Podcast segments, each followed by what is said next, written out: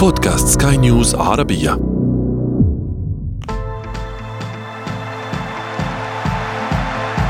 أثير الكرة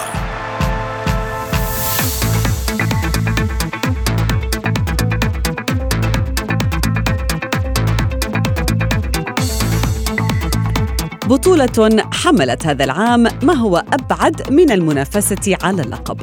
منتخبات عربية كشرت عن أنيابها وعزفت الرباعيات والخماسيات، وأخرى عانت من أجل تسجيل هدف البقاء على خط المنافسة، فضلاً عن ظهور أخرى بتشكيلات شبابية متنوعة. تهدف إلى خوض بروفا حقيقية قبل العرس المونديالي المرتقب.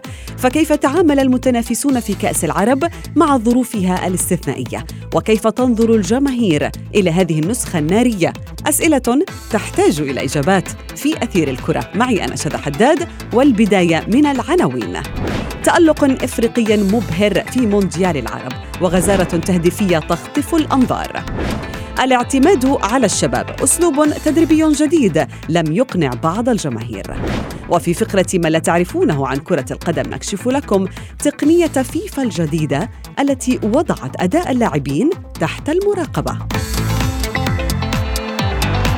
أثير الكرة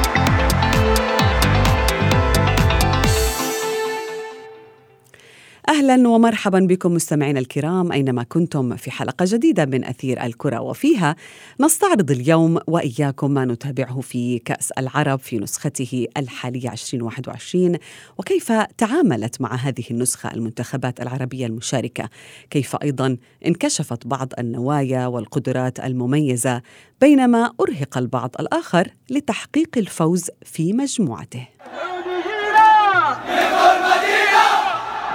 يسعود فينا نكر مدينة ونفوز بإذن الله بإذن الله بينا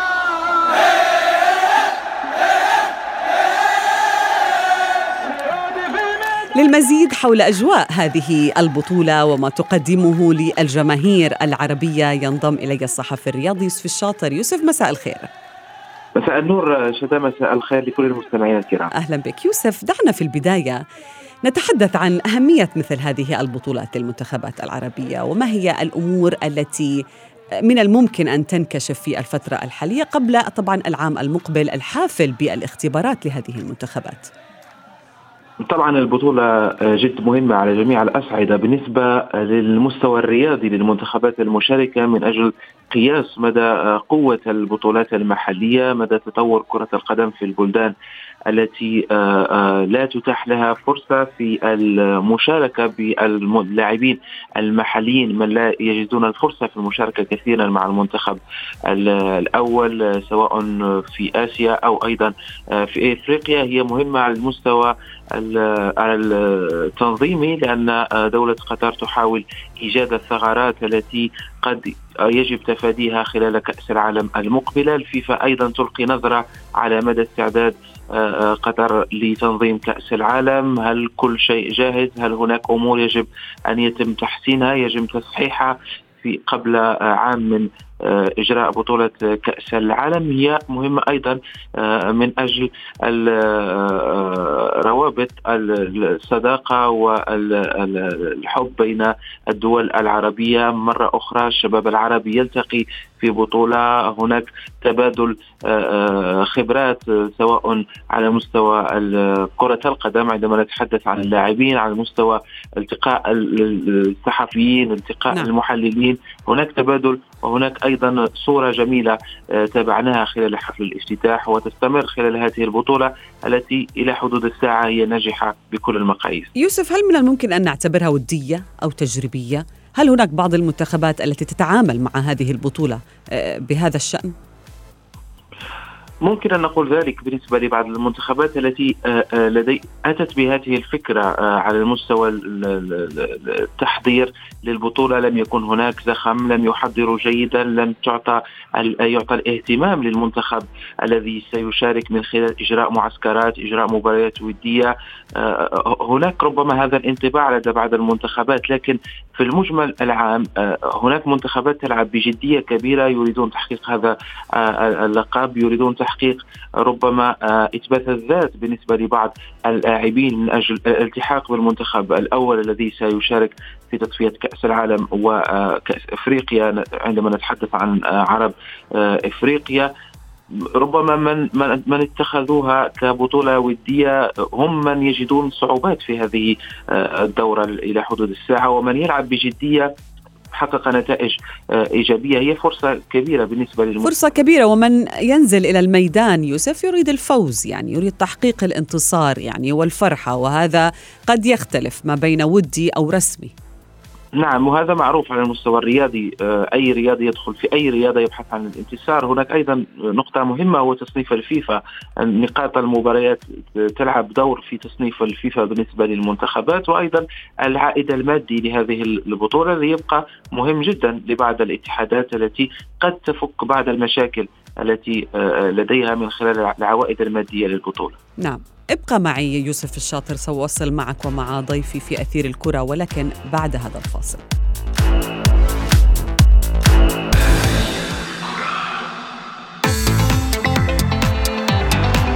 أثير الكرة.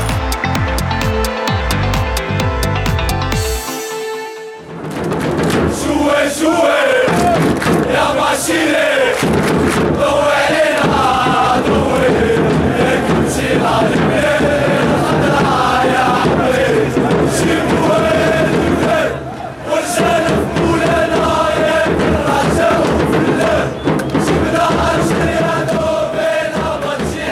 من جديد أعود وأرحب بضيفي الصحفي الرياضي يوسف الشاطر. أهلا بك يوسف. وأيضا ينضم إلينا الصحفي الرياضي من الدوحة مجدي القاسم. مجدي أهلا بك. مساء الخير زميلتي شدة مساء الخير لضيوفك وأيضا لطاقم العمل وكل المستمعين. أهلا بك. مجدي كونك متواجد الآن في ساحة هذه البطولة ما أبرز ما يميزها في هذه النسخة بعد أن كانت هذه البطولة يعني حائرة تاريخيا؟ اليوم تعود وتعود بشكل مختلف وتعود حتى بطموحات وتقنيات جديدة. يعني بكل تأكيد أبرز ما يميز هذه البطولة اولا أنها تجمع العرب وهو دائما ما نتمناه شاهدنا حتى في حفل الافتتاح كيف تم عزف النشيد الوطني لكل الدول العربية. وبالتالي كانت لفتة جميلة حتى من القائمين على البطولة بان بأن لم الشمل العربي هو ضرورة خاصة في هذا الوقت بالذات مع ربما يعني ما نعيشه في الدول العربية من ويلات ونكبات متتالية. بالتالي أجمل ما في هذه البطولة هو لم الشمل العربي بكل تأكيد. في ساحة كرة القدم. وبكل تأكيد في ملاعب كرة القدم وكرة القدم دائما تعودنا على أنها تجمع حتى ما اختلف عليه في كل الميادين الرياضة تجمع ما اختلف عليه حتى وليس في الملاعب العربية إنما في كل مكان من واختلاف في قوة المنتخبات العربية أيضا مجدي. يعني المنتخبات العربية مختلفة اليوم عن سابق عهدها. صحيح. كنت نقطة فنية أخرى كنت أريد أن أتحدث عنها رغم مشاركة يعني عدد من المنتخبات القوية والكبيرة في هذه البطولة بالصف الثاني أو بالمنتخبات الأولمبية إلا أننا شاهدنا مستويات بصراحة مذهلة. يعني ربما البعض توقع بأنه بعد مشاركة الجزائر بالفريق الثاني وأيضا المغرب بالفريق الثاني وبعض الغيابات عن المنتخب المصري وبعض الغيابات عن المنتخب السعودي الذي هو شارك أيضا بالمنتخب الأولمبي. ولكن رغم ذلك شاهدنا مستوى فني عالي وشاهدنا حتى يعني بطولة حتى الآن يمكن القول بأنها بطولة يعني نموذجية بكل المقاييس ولكن نعم. طبعا زميلتي شذا مع فوارق ظهرت ما بين منتخبات الكبيرة منتخبات العربية في القارة الإفريقية والمنتخبات الآسيوية ظهرت هنالك بعض الفوارق في هذه الجزئية يمكن الحديث عنها بكل تأكيد يعني مطولا عن نعم. هذه الجزئية تحديدا. بالحديث عن الفوارق آه، يوسف يعني هذا يدفعني لأن أسألك هذا السؤال وطرحنا بالفعل هذا السؤال على متابعي منصات سكاي نيوز عربية حول تفوق الأندية الإفريقية، يعني ما هي الأسباب؟ يعني كما ذكر آه، مجدي يعني يلعبون بالمنتخب أو بالفريق الثاني يجربون آه، مثلا تشكيلات شبابية مختلفة متنوعة وينتصرون بالأربعة وبالخمسة. ما هي الأسباب التي تدفعنا لأن نشاهد هذا التألق؟ دعنا نقول في كأس العرب 2021 آه، طبعا شد هناك فوارق آه، آه، كبيرة في ممارسة كرة القدم على المستوى الاحترافي في الدول العرب إفريقيا إذا قارناه مع عرب آسيا لأن بداية هناك صعوبة في ممارسة كرة القدم في إفريقيا. المستوى هو مرتفع كثيرا مقارنة بآسيا. صعوبة على المستوى البدني لاعبو عرب إفريقيا. هناك قوة بدنية أكبر من لاعبي قوة آسيا لاعبي عرب آسيا لأن التنافس في إفريقيا يجعلك أو يفرض عليك أن تلعب في عواصم إفريقية آه، صعبة أن تنافس في مستوى آه، التحامات بدنية وضغط آه، سواء نفسي أو ضغط كروي. عندما نتحدث عن طرق اللاعب تفرض عليك أن تتأقلم مع الوضع وأن تقوي أو ترفع من نسق اللاعب الخاص بكل لاعب. هذا شيئا ما يختلف الحال عن لاعبي عرب آسيا. أين نتابع شيئا؟ ما اللاعب يكون مرتاح على أرضية الملعب؟ هناك بنيات آه، أفضل. هناك آه، آه، مستوى تنافس شيئا ما على المستوى البدني. هنا أتحدث لست أتحدث عن المستوى التكتيكي أو المستوى التقني. قد يكونون أفضل في بعض الجوانب نعم. لكن بدنيا عرب افريقيا شيئا ما أقوى. وهذا وهذا ما يخطر بالبال يعني وأنت تقول كابتن يوسف يعني بالنسبة للبنية التحتية التي هي بالفعل لربما تكون مهيئة أكثر للمنتخبات الآسيوية ولكن يا مجدي هذا الأمر لا ينعكس ايجابا لربما. لماذا؟ ما هي الأسباب؟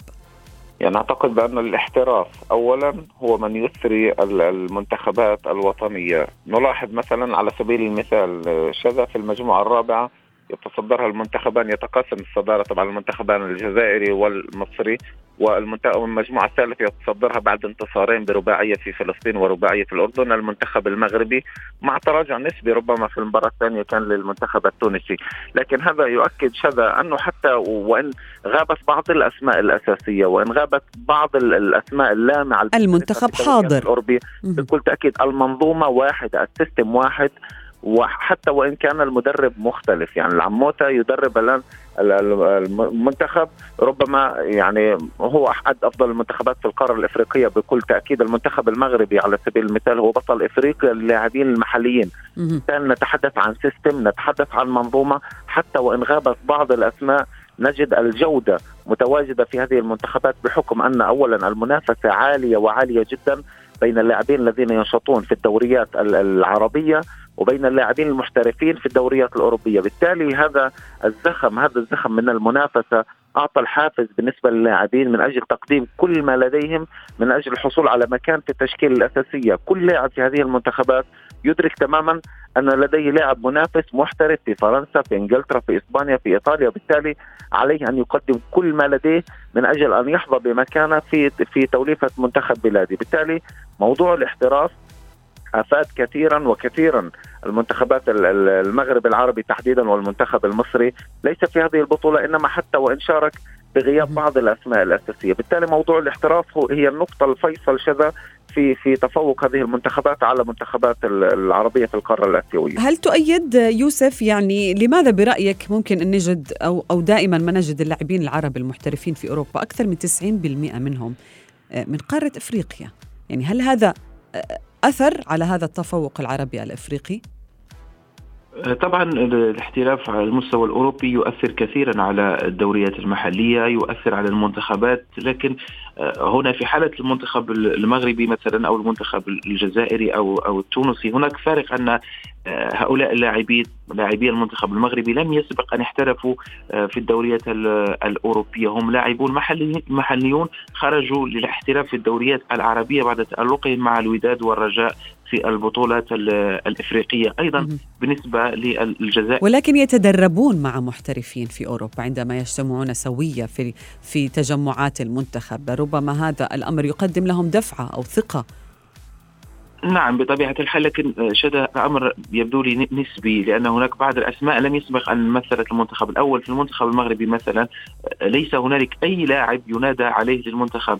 الأول محلي فقط الحارس آه، أنس الزنيتي هو الحارس الثالث وفي مناسبات يكون هناك سفيان الرحيمي آه، آه، في مناسبات أشرف بن شرقي مؤخرا يتم لكن المنادات عليه لكن لا يلعب بشكل أساسي. في المنتخب المغربي الأول ليس هنالك أي لاعب أساسي يدخل بشكل رسمي من الأسماء التي تلعب الآن في الشان في البطولة العربية، المنتخب الجزائري هناك بغداد بورجاح يلعب الآن مع المنتخب الذي يشارك في البطولة العربية. هو أساسي في المنتخب الأول وهناك هناك أيضا يوسف بليلي يشارك بشكل أساسي مع المنتخب الأول هناك عبد نعم. القادر بدران يشارك أساسي مع المنتخب الأول وجمال بالعمري إضافة إلى الحارس رئيس مبولحي أي الجزائر تأتي بخمسة لاعبين يلعبون بشكل أساسي مع المنتخب الأول لذلك.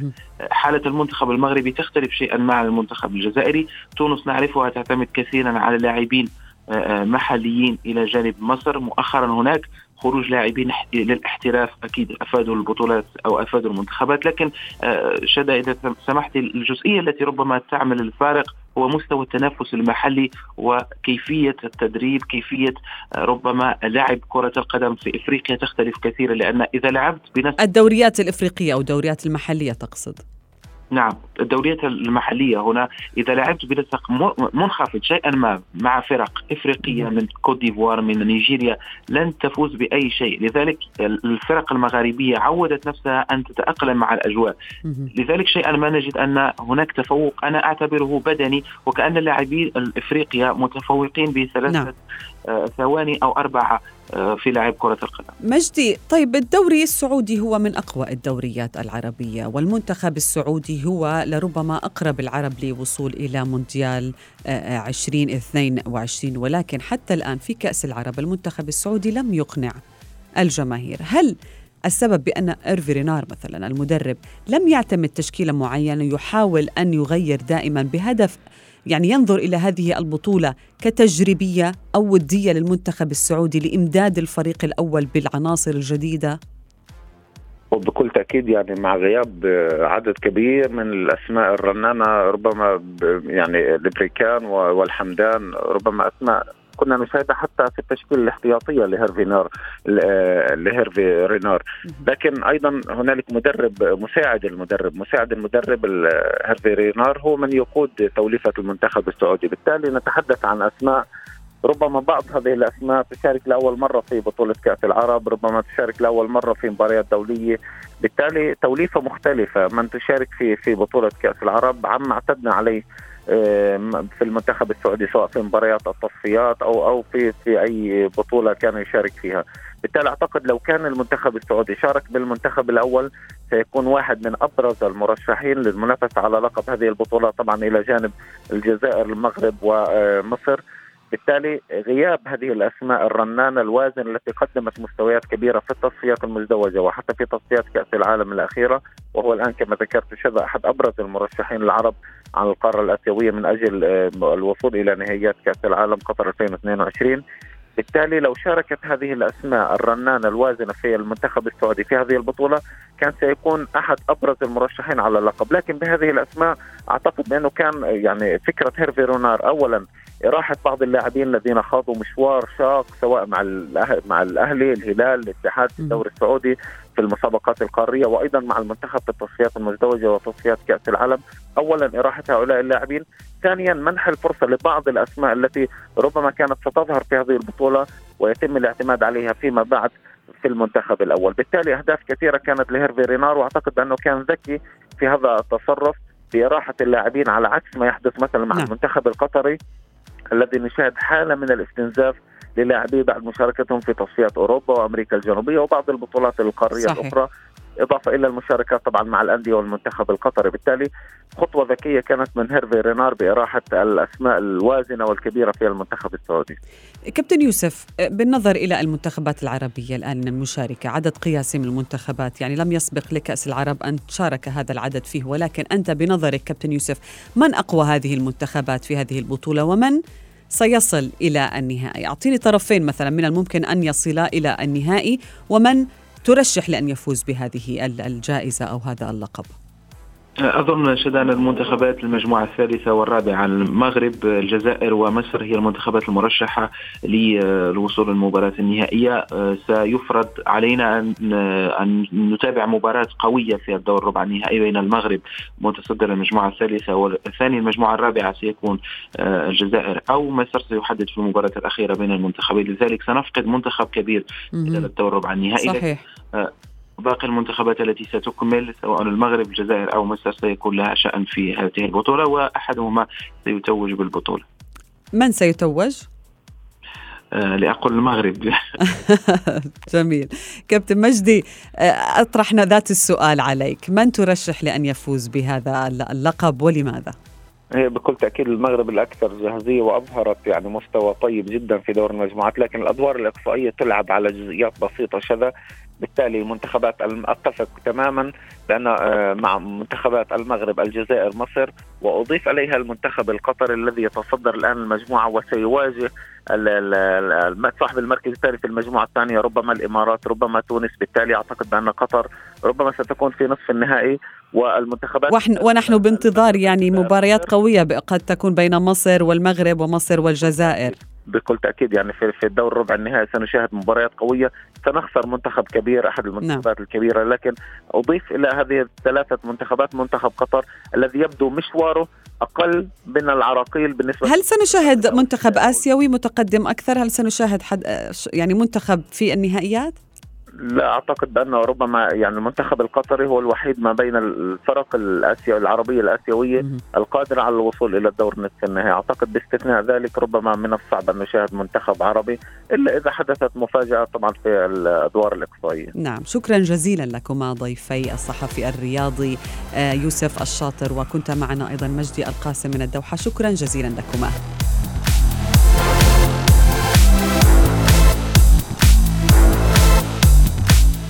في فقرة ما لا تعرفونه عن كرة القدم نتحدث اليوم عن تقنية جديدة تضاف إلى عالم المستديرة من بوابة كأس العرب حيث بدأ الاتحاد الدولي لكرة القدم الفيفا بالعمل على تكنولوجيا جديدة تهدف إلى دراسة المباريات واللاعبين من كل النواحي.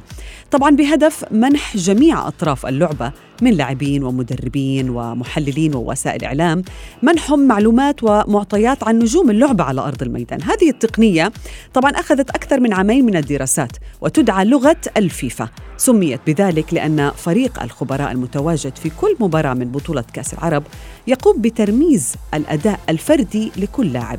ويلتقط تحركاته مع الكرة ومن دونها. يحدد أيضا عدد الاختراقات التي يقوم بها اللاعب إلى جانب دراسة الضغط الذي يمارسه على المنافس. وطبعا يتم الحصول على البيانات من كل مباراة وعرضها في مركز تدريب الفيفا وأكاديمية كرة القدم عبر الإنترنت. هذه التكنولوجيا مستمعين جاءت بتوصية من المدرب الفرنسي السابق أرسن فينجر. والذي يعمل حاليا رئيسا للتطوير في الاتحاد الدولي للعبة بهدف مراقبة اللاعبين وسهولة الوصول إلى بياناتهم.